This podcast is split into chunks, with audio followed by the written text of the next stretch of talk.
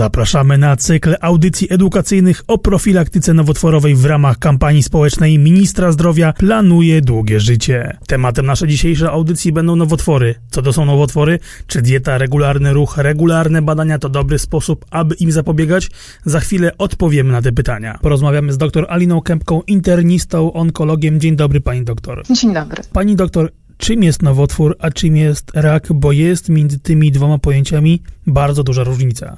Nowotwór to jest po prostu nieprawidłowa tkanka, rozwijająca się w organizmie, której rozwój y, wymknął się spod kontroli wszystkich naszych takich y, mechanizmów kontrolnych. I teraz właśnie w zależności, czy mamy do czynienia z nowotworem łagodnym, czy złośliwym, y, dalej ten nowotwór albo może być dobrze ograniczony, rosnący w miejscu, nie dający przerzutów, nie skracający naszego życia i to wtedy mamy do czynienia z nowotworem łagodnym.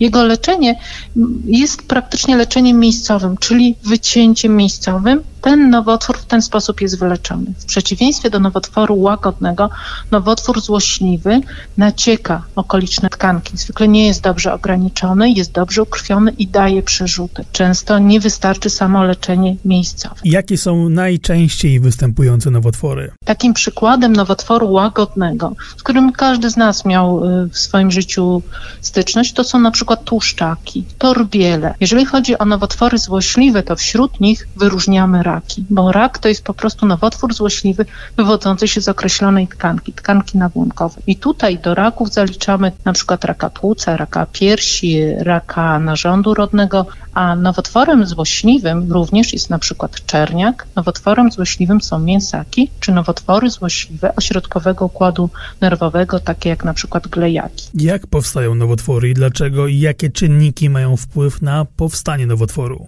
Dokładnie nie wiemy. Na pewno jest to wpływ kilku czynników. Oczywiście najpierw dochodzi do zmiany w komórce, która zaczyna się dzielić w sposób wymykający się spod kontroli tych wszystkich naszych mechanizmów kontrolnych. Nie znamy dokładnego mechanizmu większości procesów, ale wiemy, co ma wpływ na to, że zachodzą procesy kancerogenezy.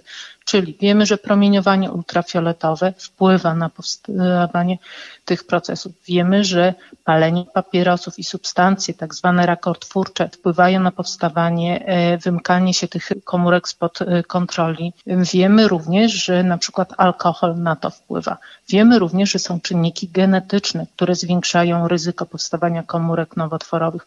Wiemy również, że e, infekcje typu infekcje wirusowe, infekcje bakteryjne wywołują lub sprzyjają powstawaniu określonych nowotworów. I jakie są prognozy dotyczące wzrostu liczby pacjentów i z czego ten wzrost wynika? Mniej więcej raz na 30 lat zauważono, że dochodzi dwukrotnego wzrostu liczby zachorowań na nowotwory. Około 2015 roku zarejestrowano około 160 zachorowań na różne nowotwory. To już na 2025 prognozowane jest 180 tysięcy, a e, za kolejne 4 lata 220 tysięcy zachorowań na rok. My wiemy, że w tej chwili żyje około miliona pacjentów, którzy są po leczeniu onkologicznym albo właśnie w trakcie. Wiemy, że wzrasta liczba zachorowań, szczególnie na takie nowotwory jak rak jelita e, grubego, jak rak trzustki, jak rak prostaty, rak piersi. Te liczby oczywiście dotyczą zachorowań w Polsce. Czy można powiedzieć, że Polacy wciąż za późno badają się, za późno podejmują decyzję o diagnozie stanu zdrowia pod kątem nowotworów, no bo w dalszym ciągu w Polsce nowotwory wykrywane są w tym późnym, trzecim stadium choroby. I to jest prawda. Jeżeli wykryjemy nowotwór we wczesnym stadium zaawansowania, czyli dla nas jest to w pierwszym stadium zaawansowania, wówczas szansa na wyleczenie większości nowotworów jest co najmniej 90%. Jeżeli wykrywamy nowotwór późno, wtedy, kiedy on daje już objawy, kiedy pacjent y, zaczyna mieć dolegliwości bólowe, chudnąć, y, zaczyna być wyniszczony, mieć na przykład żółtaczkę, wodobrzusze, wówczas niestety praktycznie nie ma szans na wyleczenie. Niepokojący jest również obniżający się wiek pacjentów pacjentów onkologicznych. Coraz młodsze osoby chorują. Z czego to wynika i jak można zatrzymać ten trend i jak propagować zdrowe nawyki? Wynika to na pewno z naszego stylu życia i z naszej diety. Ma na to wpływ to, co jemy i jak jemy. E, jednak e, zwiększona ilość fast foodów, zwiększona ilość żywności przetworzonej, nadwaga u młodych ludzi, brak e, aktywności fizycznej, palenie papierosów, które jest popularne wśród młodych ludzi, u części osób e-papierosy, które widzimy na każdym kroku, y, moda nawet na te e-papierosy, y, to wpływa na fakt, że y, coraz młodsi ludzie chorują na nowotwory. Również ma znaczenie coraz większe zanieczyszczenie środowiska, w którym żyjemy.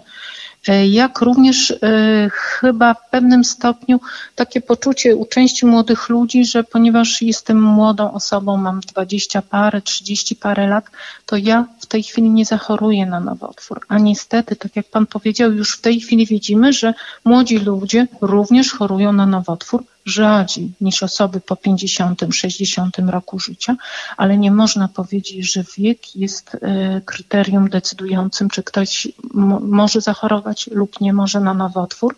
Drugą rzeczą jest, są tak zwane nowotwory, e, które mają związek z dziedzicznym uwarunkowaniem. Mówię tu o mutacjach przykład BRCA1, BRCA2, szczególnie dotyczy to kobiet, kobiet, u których w wywiadzie w mama babcia, ciocia, szczególnie w młodym wieku, zachorowały na raka e, piersi lub w tej chwili wiemy już, że jeżeli wystąpiło zachorowanie na raka jajnika, zawsze jest e, jak gdyby możliwość, że było ono uwarunkowane genetycznie. Te badania genetyczne są teraz rozszerzone. Nie oznacza się tylko mutacji w tych dwóch genach. Można wykonać cały panel genowy. Są specjalne poradnie genetyczne, do których mogą się takie osoby zgłaszać.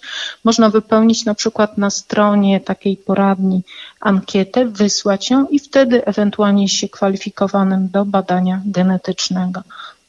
Tutaj stawiamy kropkę a może bardziej przecinek, bo do tego tematu będziemy na naszej antenie jeszcze wracać. W kolejnej audycji porozmawiamy chociażby o Narodowej Strategii Onkologicznej, bo taka istnieje, a ja póki co dziękuję bardzo pani doktor za rozmowę.